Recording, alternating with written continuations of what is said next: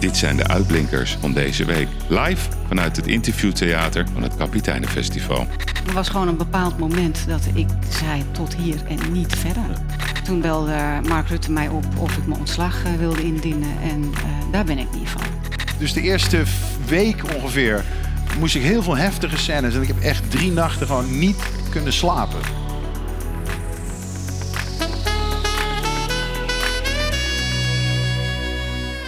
Beste luisteraars, lieve kapitaals. Het is tijd eh, voor een eh, nieuwe uitblinker van deze week. En de maand juni staat helemaal in het teken van het Kapiteinenfestival. En de mooie gesprekken die daar gevoerd zijn in ons interviewtheater.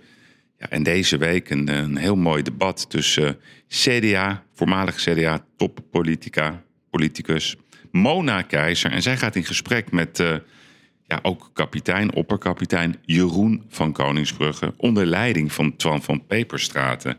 En dat was een, een heerlijk gesprek. Dus ik zou zeggen, ga er rustig voor zitten. En luister met ons mee naar dit uh, mooie debat vanaf het uh, Kapiteinenfestival. Een applaus, dames en heren, voor Miss Volendam, Mona Keizer.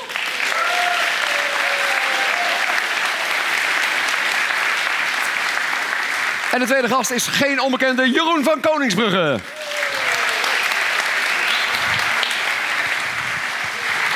Goedenavond, goedenavond, goedenavond. Zal ik hier gaan zitten? Nee, nee, nee, nee, nee, nee, nee, nee. Ga lekker zitten, Jeroen. Ja, kunnen we...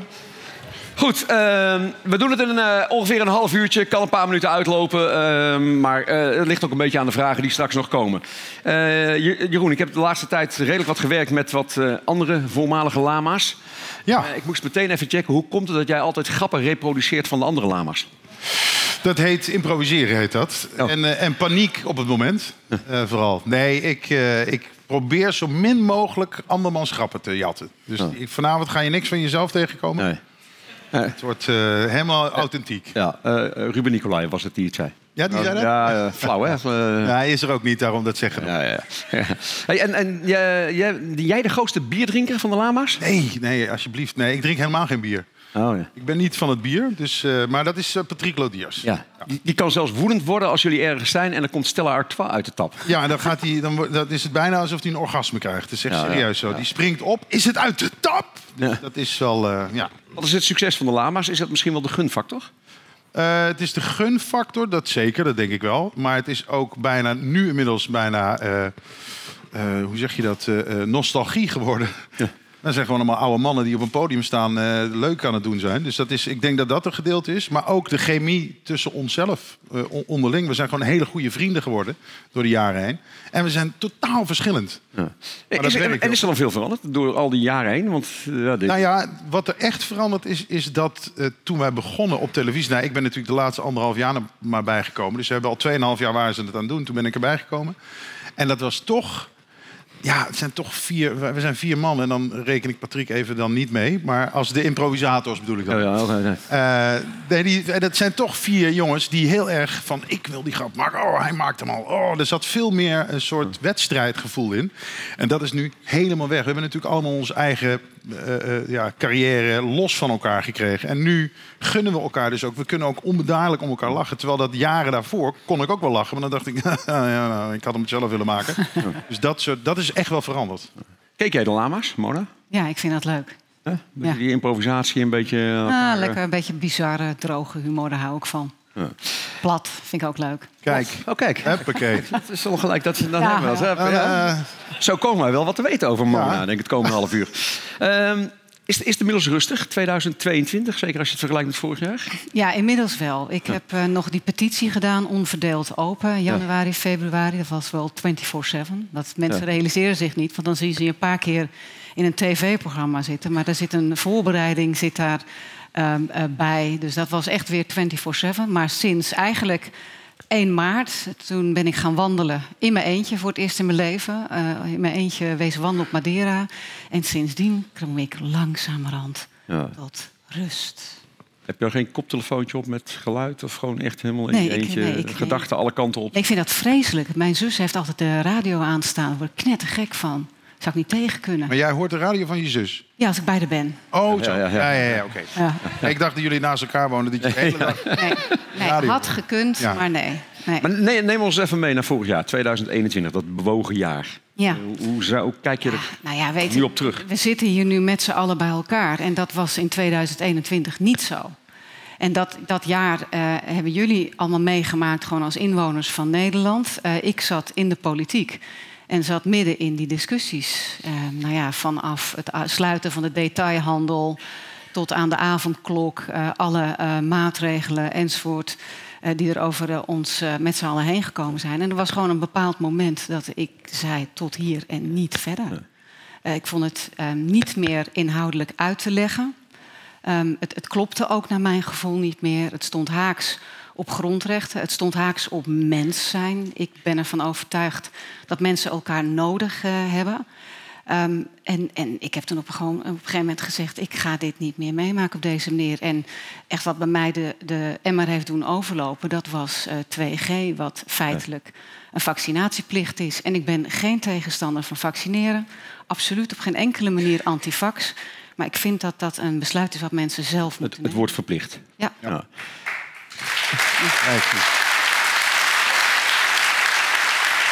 Maar dan, dan krijg je daarna ook nog een, een nasleep. Dan wordt aan jou verzocht, wil jij je functie neerleggen? Ja, dat klopt. En dat is natuurlijk niet gek, hè? want Ja. ehm, eh, zo, zo werken die dingen. Ik heb toen een, een interview gegeven waarin ik eh, uiteengezet heb hoe ik ernaar keek... en dat ik ervan uitging dat we in de toekomst het anders zouden gaan doen. Nou ja, en nou ja, dan kom je op een gegeven moment in de knel met eh, eenheid van kabinetsbeleid, zoals dat heet. En toen belde Mark Rutte mij op of ik mijn ontslag eh, wilde indienen. En eh, daar ben ik niet van. Nee, dat is, de, Nee. Is, is dat Volendams? Is dat typisch keizer? Wat is het? De- allebei. Ja, toch wel. Nee, dus dat heb ik niet gedaan. Want ik vond namelijk dat ik niet heel veel verkeerd zei. Ja.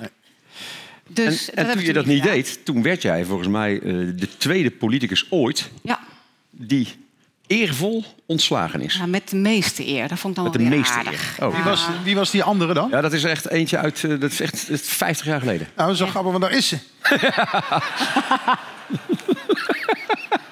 Weet je Die was, die was trouwens van Ruben Nicolai. Oh, ja, ja, ja. ja, ja, die heeft dat ook wel eens gedaan. Ja.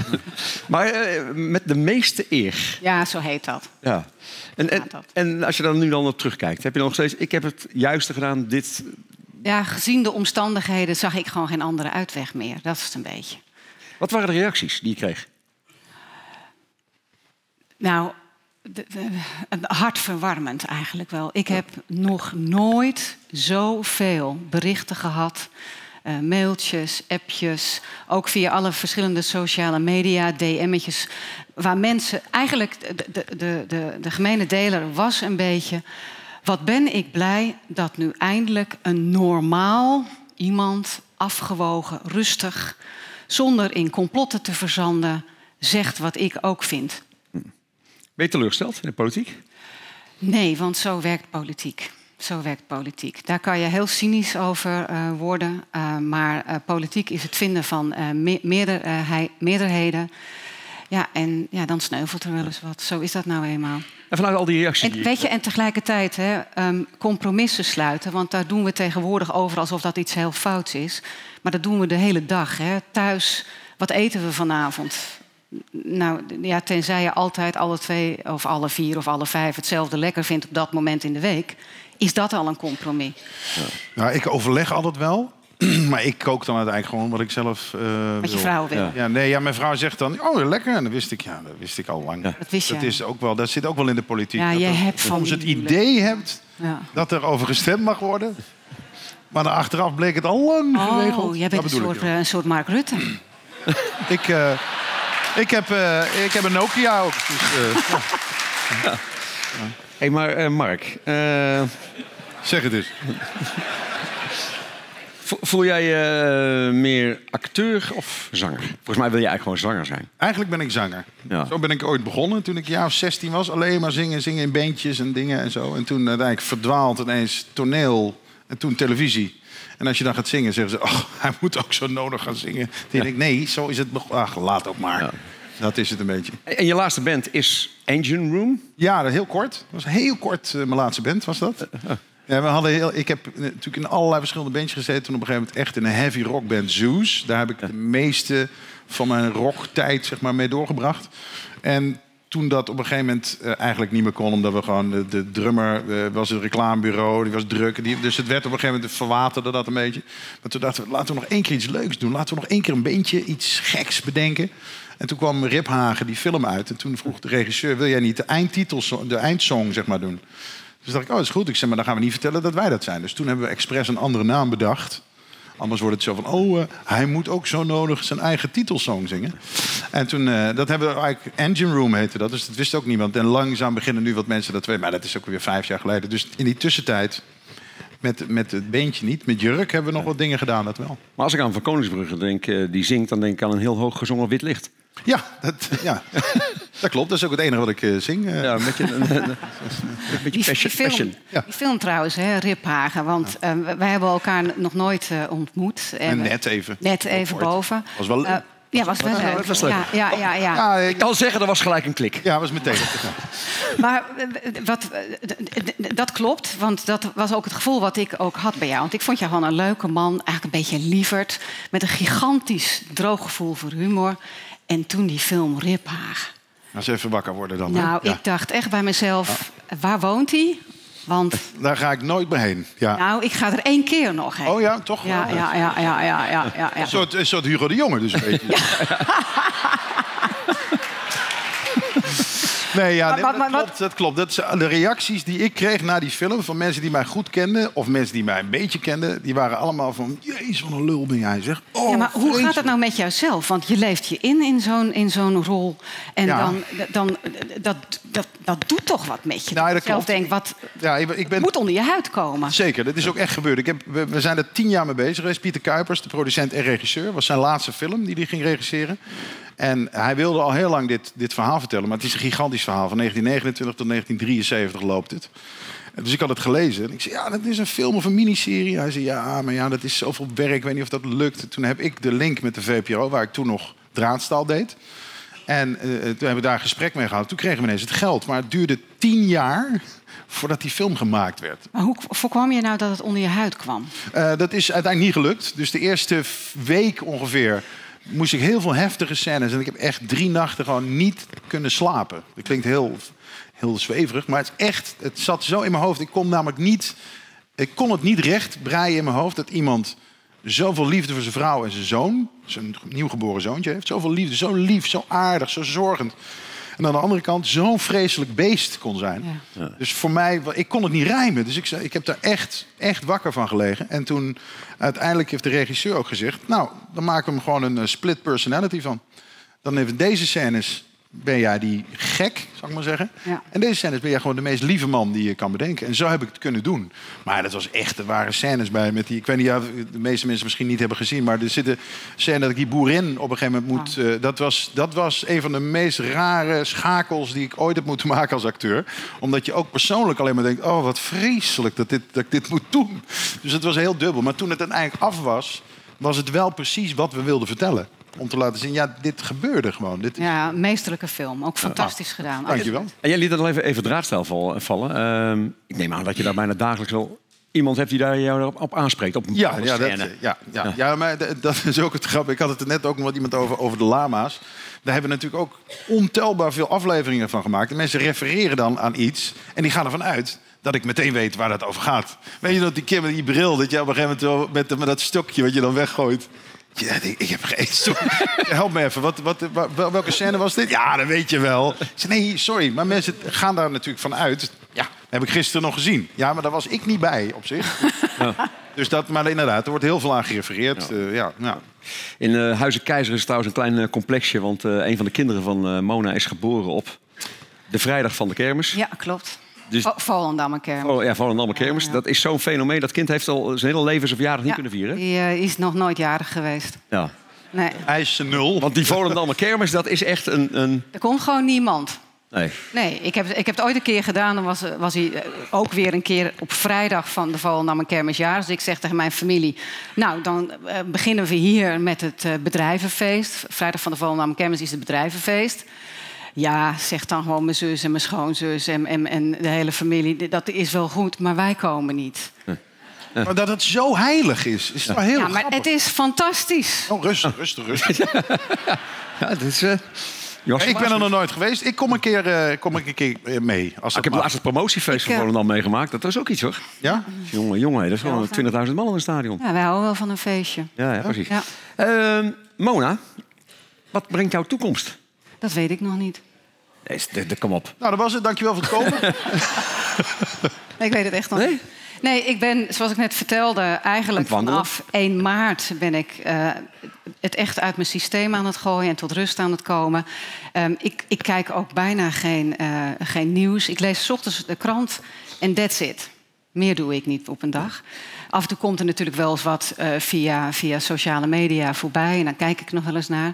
Maar dat is nu een, echt sinds een tijd. En ik ben, wat ik wel aan het doen ben, is nu praten met mensen van... wat ga ik nou doen met de rest van mijn leven? Wat vind ik echt leuk? Waar krijg ik energie van? Waar ben ik echt goed in? Nou ja, en de verwachting is dat zo... Hoop ik zo in het najaar ik eh, echt ga kijken naar wat voor baan dan. Maar kunnen we werk politiek gaan. al een eh, streep zetten? Jazeker. Ja, dat is een hele dikke streep. Kan je een beetje zingen? Nee. Oh, maar dat is wel echt iets uit Volendam. Die Ja. meteen, nou, Nee, ik ben, een, ik ben zo een van die Volendammers die niet kan zingen, wel kan praten. ja, ja, ja. Rappen. Hey. Nooit gedaan. Hey, nou ja. Nee, Hoe kan het toch zijn dat er zoveel talent uit Volendam komt? 22.000 man wonen daar. De- de- ongeveer, ja. Ja, maar Ja. dus, qua voetbal, Eredivisieclub, eh al die muzikale talenten. Zit iets in het water, denk ik. Ja. Nee, weet je, er is, er, wordt, er is veel over geschreven. En ik heb ooit eens een keer een artikel gelezen. Ik geloof of in Vrij Nederland of de Groene Amsterdammer. Wat al bijzonder is, want dat zijn niet echte Volendamse ehm, tijdschriften. Zal ik ze zo maar even noemen. En dat heette Normaal tot in het extreme. En dat was voor het eerst dat ik iets las waarvan ik dacht, dit klopt. En wat is dat? Eh, doe maar gewoon. Want niet denken dat je beter bent dan een ander. Maar dat wat je doet, dat doe je extreem goed. Ja. Amerikaans is het ook heel Is erg. dat zo? Nou, in, in, in het Nederlandse schoolsysteem werkt precies tegenovergestelde. Als jij niet goed bent in wiskunde, maar heel goed in geschiedenis... zegt nou, dat geschiedenis dat lukt al. We gaan heel erg focussen op wiskunde. Terwijl je denkt, ja, maar dat kan ik juist niet zo goed. En in Amerika is het, jij bent goed in geschiedenis? Fuck wiskunde. Jij gaat helemaal vol in die geschiedenis. En dat is de, de, de zoeken naar waar iemand heel goed in is. En dat optillen, nog beter maken. Daar krijg je al die scholarships in Amerika voor. Maar dat is iets wat wij in Nederland helemaal niet kennen eigenlijk. Ja, nou ja, dat, dat is wat Volendam Ja. eh, ook is. Nou. Ja, en keihard eruit. werken. En keihard werken natuurlijk. En keihard werken. En keihard werken. Ja, het komt niet Discipline. vanzelf. Ja. Ja. En zou jij qua discipline, vasthoudendheid een goede zijn voor Kamp van Koningsbrug? dat denk ik wel. Dat Denk ik dus ook. Ja. Ja. Ja. want dat, dat zit wel in mij. Ik, Ja. eh, ik- wil, gigantische wilskracht en relativeringsvermogen. Want ja, het lukt natuurlijk niet altijd allemaal. Nee. En, en dat Kamp van Koningsbrug, dat is ook wel, wel een dingetje geworden. hè? Ja, ja dat, dat, dat is inderdaad de term die ik vaak gebruik. Een dingetje. een dingetje, ja. ja. Maar voor, de, voor degenen die, die het eigenlijk niet zo heel goed kennen, wat, eh, even, even Eh, het is eh, in het kort, het is eigenlijk eh, dat we 15 gewone burgers vragen om eigenlijk te mogen proeven, een beetje ruiken aan hoe het is om een opleiding te doen van de Special Forces Nederland. Dus zeg maar commando's.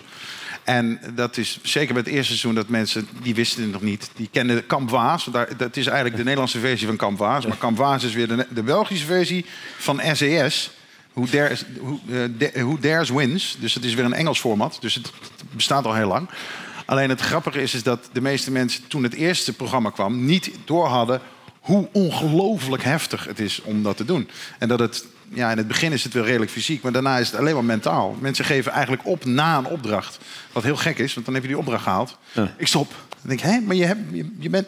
je- nu komt de volgende opdracht. Maar ja, heel, heel rauw dat werkt. Het is gewoon een psychologisch spel bijna. Dat lijkt een soort uh, verraders, psychologisch spel. Ja, nee, dat klopt. Daar heb jij dan weer eh, ervaring mee. Ja. Met Tel, die ja. veel geroddeld over jou. ja, toch wel, hè? Ja, ja, tuurlijk, tuurlijk, Ongelooflijk. Goed, hey, hey, trouwens, eh, want zometeen ga je ook nog optreden, hè, muzikaal. Ja, maar ga dan nog, iets totaal anders, hè? Ja, dat is een paar Elvis Presley, Sinatra, wat heb ik nog meer? Louis Prima. Dus ik ga een beetje van alles wat doen.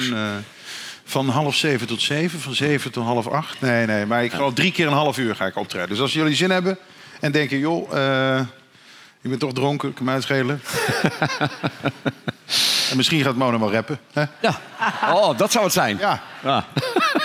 Dan komen we zeker kijken. Ja, dan moet ik wel eerst even een cursusje volgen hoor. Ja, ja. Ja, als we wat doen, doen we het goed of we doen het niet. Gewoon een beetje jammen, improvies. Zijn er vragen vanuit de zaal voor Mona of Jeroen? Wat, gaat er- Nee. wat krijgen, wat gaan we nou krijgen? Het is heel rustig een avondje. Dat is ook wel lekker. Ja. En dan gaat ondertussen een wekker af daar. Ik, ik zou niet weten waarvoor op dit moment. Nee. Op dit tijdstip. Eh, meneer Laar heeft een vraag. Eh, voor, deze vraag is voor Jeroen. Eh, oh, je hebt meerdere vragen? Nee, één vraag. Oh. Eh, cursus Brabants. Ik heb het naar mijn zin op het Kapiteinenfestival. Piep. Oh, ik word nu gewoon voor het blok gezet. Is dat wat je bedoelt? Jeetje. Ja, weet je, heel eerlijk. Die cursus Brabant is ooit begonnen omdat eh, mijn broertje is namelijk echt een Brabander. Die is geboren in Den Bosch. Ik ben geboren in Roosendaal en Nispen. Ik ben op mijn derde naar Den Bosch gekomen. Dus ik, ik heb nooit echt Brabants gesproken. Ja, ik kan het wel nadoen. Mijn broertje daarentegen is echt plat Brabants. Dus als je ons naast elkaar ziet, denk je... hé, dat zijn broers. Zodra hij begint te praten, dan denk je... hij heeft wel dezelfde stem, maar heeft een heel ander accent. En dat klopt. En hij kwam vaak met de meest bizarre eh, eh, dingen die hij zei. En dan zeg ik, zeggen ze dat echt? Ja, ja, dat is echt zo. Bijvoorbeeld eh, uit eten. Wij zijn gisteren uit eten geweest. Wij zijn, wij zijn gisteren uit wezen te gaan eten. En toen ik de eerste keer dat soort dingen hoorde, dacht ik, ja, hier moeten we iets mee. Dus toen werd dat de cursus Brabants. En elke keer bel ik hem. Heb je weer wat nieuws? Ja, en dan heeft hij elke keer weer een zin. Dat ik denk, nee, maar dit kan niet. Ja, zeker. En het liedje, eigenlijk had ik daar gezeten gehad. Ja, minder dan werkelijk waar. Hoe doe ik dat? Hoe doe ik dat? Hoe heb ik dat gedaan? dat is iets wat eigenlijk op een set ooit ontstond. Ik samen met een lichtman.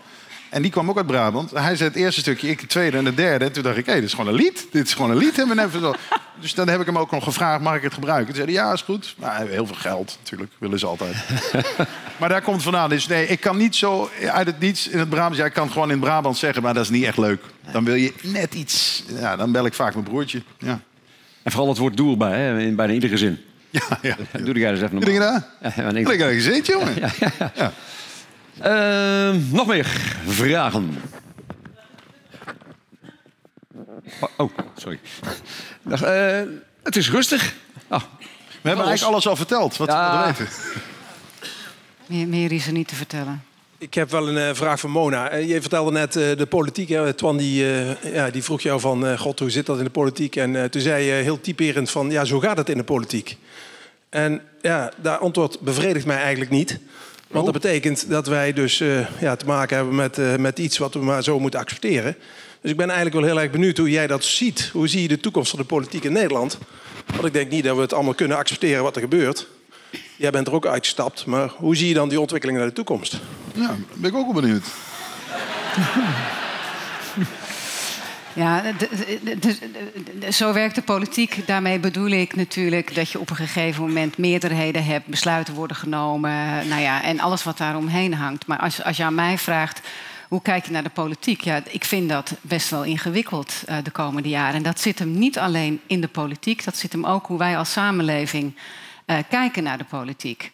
Ehm, in de politiek zullen ze, wat mij betreft, veel opener moeten zijn en moeten uitleggen waarom ze doen wat ze doen.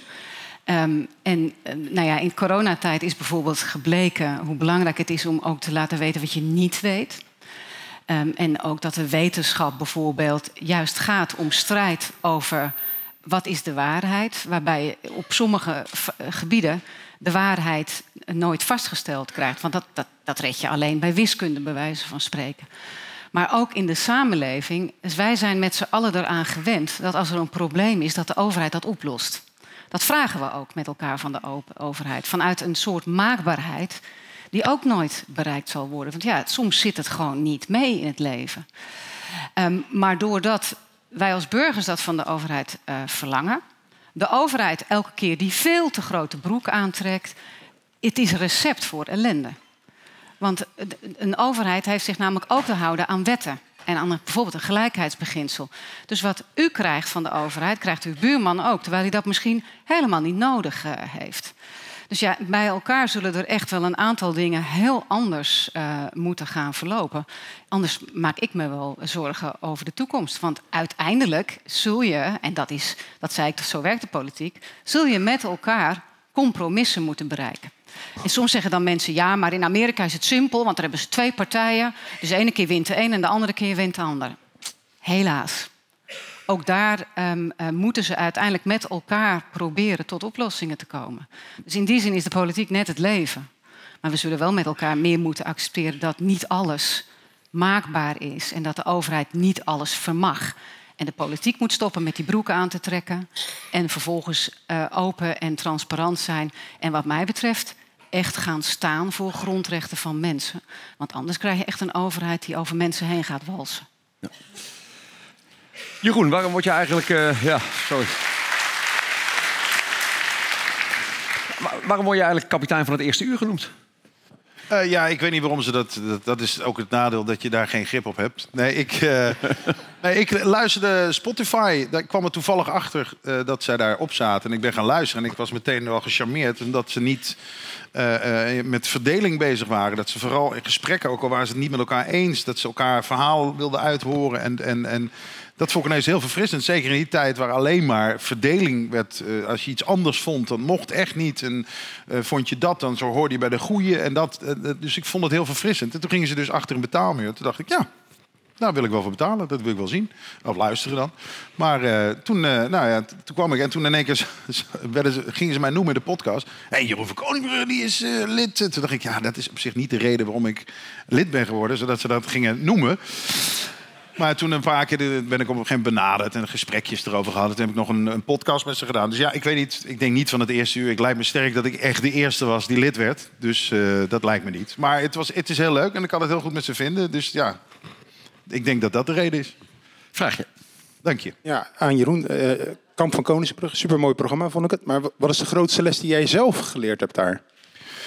Uh, dat ik het ook wel kun. Dat ik het makkelijk. Uh, nee, de grootste, de, de grootste les daar uh, is. Nou ja, dat ik, uh, niet dat ik dat nog nooit heb gedaan, maar nog nooit in zo'n programma. Is dat je heel goed aanvoelt. Ineens voelde ik dat heel goed aan wat mijn rol moest zijn. Ik ben geen presentator, ben ik nooit geweest. Ik ben ook niet iemand die. Nou ja, wat Twan doet, dat kan ik niet. Echt niet. Ik kan geen gesprek leiden, want dan wordt een puinhoop. Want ik ben snel afgeleid, ik maak een grap. Hey, goede schoenen, weet je. Dat heeft niks met het programma dan mee te maken.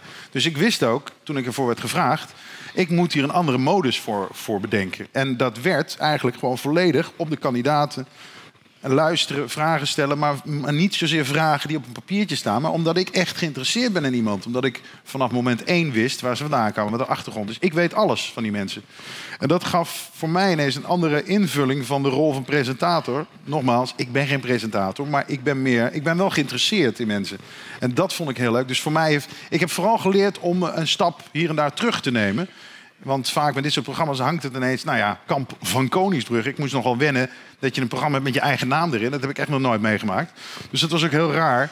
Maar ik wilde juist niet constant op de voorgrond. Ik wilde juist steeds meer. Ik wilde wel overal bij zijn. Maar ik wilde dat ik er voor de kandidaten vooral was. De cursisten, moet ik zeggen. Want anders krijgen we ruzie met de commando's.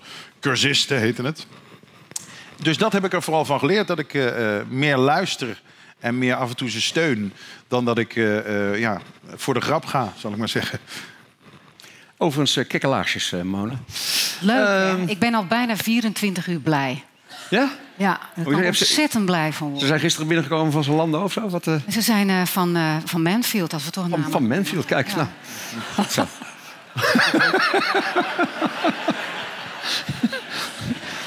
ik heb het idee... Sponsordeal, sponsordeal. Ik heb het idee dat we afdwalen, maar goed.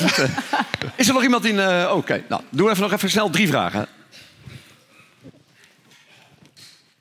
Uh, uh, ja, een vraag voor Jeroen. Ah.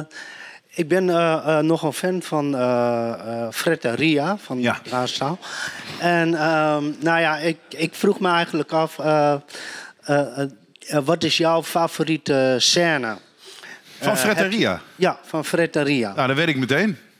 Ja? Dat is, ja, dat is serieus. Een van mijn favoriete scènes was de... Uh, uh, dan moet ik even goed denken. Dat was in een, in het, uh, in een tuintje. In, ze hebben we hebben op een gegeven moment één heel seizoen... konden we niet het huis in waar we gingen draaien... want die vrouw was overleden. Heel pijnlijk natuurlijk. Dus we moesten naar een ander huis. Maar in die tussentijd hadden we dat niet. We zitten altijd in huisjes in Amsterdam-Noord... En die zien er gewoon zo uit. Die, die mensen vinden dat ook fantastisch. Die halen ons al binnen. Leuk, gezellig kopje koffie. Maar dat kon toen niet. Dus we zaten zeg maar op de tuintjes. Dus we zaten ergens in the middle of nowhere. En, eh, en de aflevering ging over. Toen was net. Oh, ik weet het alweer. Ja. Toen was het net gebeurd. De, die, die man die tijdens Koninginnedag. met een auto daarin. Weet je wel, dat was Apeldoorn, ja. een paar maanden daarvoor gebeurd. Ja, precies. En, eh, eh, en ik dacht, Fred is iemand die meteen in conspiracies gaat denken. Die denkt, ja, maar dit heeft hiermee te maken en daar. daar. Nou, toen zijn we helemaal losgegaan met afkortingen. Dus zij zei, nou, ik ga even naar de Albert Heijn. Aha, aha, Adolf Hitler. En zo ging het steeds. En op een gegeven moment, ik kon niet meer stoppen, want alles klopte. Eh, B en E. Eh, eh, nee, nee. E en EB, er kwam iets voorbij en zei Ert en Bernie. Toen werd het op een gegeven moment... Het ging maar door. Dus op een gegeven moment hebben we hem ook moeten stoppen. En opnieuw moeten doen. Want de cameraman hield het niet meer. Die, die was zo aan het schudden. Maar dat is een van mijn favorieten. Omdat daar... Nou, bijna de helft was gewoon geïmproviseerd. Dennis stikte erin. Die moest twee keer opnieuw make-up. Dennis speelt natuurlijk een vrouw. Alleen voor die scène hoor. Maar eh, dus die, dat moest allemaal weer opnieuw en zo. Dat was hilarisch. Dus ik weet niet, uiteindelijk, ik heb de scène natuurlijk wel eens gezien, maar nooit meer teruggezien. Maar ik weet alleen nog dat die dag, dat ik echt met buikpijn naar huis ging. Dat was een van de leukste scènes eh, die ik. eh, terwijl dat niet zo'n leuk onderwerp was. Maar. Misschien wat serieuzer, ook voor Jeroen. Oh, Ehm, nou, heb je last van de verdeeldheid in de maatschappij op dit moment? En zo ja, hoe ga je daar dan mee om? Heb je iets wat jou daarbij helpt? eh, Misschien heb je nou geen last van. last. Last Je is bent nog niet gecanceld, toch? Oh, sorry. Je bent nog niet Ik ben nog niet gecanceld. Nee, hè? maar de avond is nog jong. Ja, ja. Eh, het, het wordt nog wat ik allemaal ga in zeggen nu. Nee, eh, eh, niet zozeer heb, eh, heb ik er last van. Ik, ik vind het heel vervelend om te zien, dat wel. Ik, ik, ik merk het in vrienden om mij heen ook. Dat daar in groepen sommige mensen bijvoorbeeld die zeggen... ik wil niet gevaccineerd worden. Andere mensen zeggen juist wel. Of dat je op dat gebied, op één keuze van iemand... iemand zo kan afmaken, dat heb ik nooit begrepen. Dat, dat, daarvoor al niet. Dus dat... Dat, dat, niet zozeer dat ik daar last van heb, maar dat het me af en toe wel pijn doet. Dat ik zit te kijken en denk, oh wat zonde, er zijn gewoon hele gezinnen kapot gegaan. Er zijn familie, vrienden voor het leven die in één keer niet meer met elkaar praten. Je denkt, wat zijn we nou toch aan het doen? Dus dat doet me wel pijn eigenlijk. Eh, Ik heb het zelf niet op, die, eh, op, op zo dichtbij meegekregen. Maar natuurlijk, ja, binnen families heb je altijd mensen die anders denken. En anders, ik, ik juich er alleen maar toe. Dennis en ik staan ook bijna lijnrecht tegenover elkaar... op, op sommige gebieden van de corona afgelopen twee jaar. Dus, en dat maakt het juist zo mooi. En dat is ook goed. Het is een van mijn beste vrienden nog steeds. Terwijl wij denken echt behoorlijk anders over de materie. Maar ik zei ook, ja, en die humor ligt precies in het midden. Dat maakt het ook zo leuk. Ik kan namelijk mijn frustratie in Fred kwijt af en toe.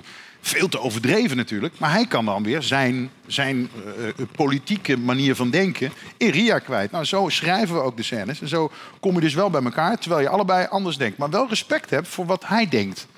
Betekent niet dat ik denk dat het allemaal klopt wat hij zegt. Maar ik, ik geef hem wel het recht om het te zeggen, om het te kunnen vertellen. En dat geeft hij mij ook. En dat is eigenlijk ideaal. En dat hoop je dat iedereen zo kan zien. Kan kijken. Maar ja, iedereen zit inmiddels in zo'n tunnel eh, eh, te kijken... dat je er bijna niet meer uitkomt. Dus, dat- dus dat, dat is, vind ik wel heel lastig, ja. Maar wat de manier is... Ik hoop dat iedereen eh, ja, met elkaar door één deur kan. Want dat is uiteindelijk het belangrijkste. We moeten het echt samen doen. Mensen denken allemaal, we moeten het zelf, ik moet het oplossen. En dat klopt ook. Verantwoordelijkheid ligt altijd bij jezelf. Maar ja, als jij niet degene naast jou serieus neemt... neemt hij jou ook niet serieus. Denk ik. Mona, jij zijn het eh, gecanceld. He- Heb je ook wel eens het idee, het gevoel dat jij vorig jaar gecanceld bent? Nee. Nee? Nee. Dat, dat gaat veel te ver. Ja. Ja, ja, Nee, ik heb ook met iedereen nog steeds eh, goed contact. ja, ja. Dus dat... Want heb, heb je veel eh, steun vanuit de politiek gekregen van andere Nee, dat niet. politici? Nee? Niemand? Of je Ja, weet je- niemand? Niet veel. Nee, ik schoot ineens heel hoog. Nee, ik hoorde het. Knip er wel uit, toch? Ja. Ja, ja. Maar ja, als je dat maar doet niet met zingen zo, dan maakt het Oh, niet uit. gelukkig. Nee, nee, weet je, wat, wat, wat, niet veel. Maar wat, wat ik gewoon niet doe, dat is vertellen wie wel en wie niet. En wie wat wel en niet zegt. Dat, dat doe ik niet. Dat, En wie dat- wel? Oh, dat zie je juist niet doen. Sorry. Ja. Laatste vraagje. Ja, eh, Mona, je kreeg natuurlijk net de vraag die je waarschijnlijk afgelopen maanden de hele tijd krijgt. Wat ga jij doen? Eh, maar je hebt ook gewandeld en nagedacht en gereflecteerd. Eh, je bent vandaag op het Kapiteinenfestival met allemaal kapiteinen. Wat denk jij wat de kapiteinen zouden moeten gaan doen? Oeh. Ja, en, wat bedoel je dan met de kapiteinen, de, de, de leidende figuren? Nou nee, gewoon eh, zoals wij hier zijn. Ja, wa- wat wij zijn Jullie weet ik ook allen. niet. Maar we zijn Oh, een groep mensen die luisteren naar een podcast. En, maar er is iets dat ons bindt. Eh, en ik zal me er niet aan wagen om dat in woorden te vangen, want dat zal voor iedereen verschillend zijn. Ik begrijp wat je bedoelt. Maar wat, wat, waar, waar, waar zie jij zo'n groep, zo'n beweging naartoe gaan? En wat zou je ons toewensen? Misschien is dat een andere vraag. Nou, het ligt wel in het verlengde van wat Jeroen net eh, zegt. Dat je elkaar de ruimte laat om een, een andere mening eh, te hebben. Dus een beetje die verdraagzaamheid en, en het feit dat je het met elkaar moet doen in, in een samenleving. Dat, dat is echt wat op het moment nodig is. Want wat jij zegt, dat, dat, ik denk het ook. Ik zie, af en toe zie ik het gebeuren. Ja. Hoe mensen eh, om, om dit bij het grof vuil gezet worden. Dat allerlei noties die we altijd met elkaar gehad hebben... bijvoorbeeld dat je onschuldig bent totdat het tegendeel bewezen is... Hij bestaat niet meer. Dat is fundamenteel hè, in een rechtsstaat. Nou, dat, dat doet er ook niet meer toe. Je mag geen andere mening eh, hebben, want dan word je gecanceld. Dat ik echt af en toe denk, wat is er gebeurd met mijn Nederland? Ja. Ik vind dat echt heel zorgelijk. En als zoals jullie hier nu bij elkaar zitten, als we dat met elkaar vast weten te, te- terug weten te brengen en weer groot weten te maken, dan kunnen we weer dat fantastische land eh, zijn, wat volgens mij nog steeds diep onder ons eh, zit. eh, onder ons allemaal zit. Wij zijn geworden zoals we zijn geworden, omdat we in ieder geval in dit deel van Nederland moesten we het met elkaar doen omdat je anders gewoon eh, verzuipt eh, ergens halverwege november als het begint te regenen. Dus, d- dus dat je dat weer met dat je dat jezelf realiseert en dat je het met elkaar echt moet doen. Nou, mooi. Elke zaal is een mooi begin. En je, ook? je kunt ook zien, er zitten hier een paar mensen die hebben een hele andere mening dan die anderen. Dat zag ik meteen. Ja. En toch zitten we hier met z'n allen. Nee, maar dat is wel, maar niemand heeft dezelfde mening. Dat maakt dus alleen door die kleine nuances, maakt het juist interessant. Waardoor je af en toe ook kan denken, oh, daar heb ik helemaal niet eens over nagedacht. Ik hoef het niet, hoef niet te handelen, maar dat je open staat voor iemand anders mening. Dat is fundamenteel in een gesprek, in wat dan ook. Ja, maar dat, die zus van mij, die, die radio die ik hoor, Ja. die, die kijkt net even wat anders naar het hele corona-verhaal dan ik. Maar dat is niet alleen mijn zus, dat is een van mijn beste vriendinnen. En die zegt ook af en toe tegen mij: Ja, Mona, maar dat ben ik niet met je eens. Prima, Ja. dat mag. Als ik het ook maar mag vinden. En als we, want dat vind ik dan wel, als we in vredesnaam, als het in het najaar tegenzit, maar niet weer gaan doen wat we eerder gedaan hebben. Al was het alleen maar om de ellende bij onze jongeren Ja. niet te herhalen. Dames en heren, Mona Keizer. En Jeroen van Koningsbrugge. Dank voor het luisteren. Dit, was, eh, ja, dit waren de uitblinkers van deze week. Mona Keizer en Jeroen van eh, Koningsbrug. En uiteraard ook eh, Twan van Peperstraten.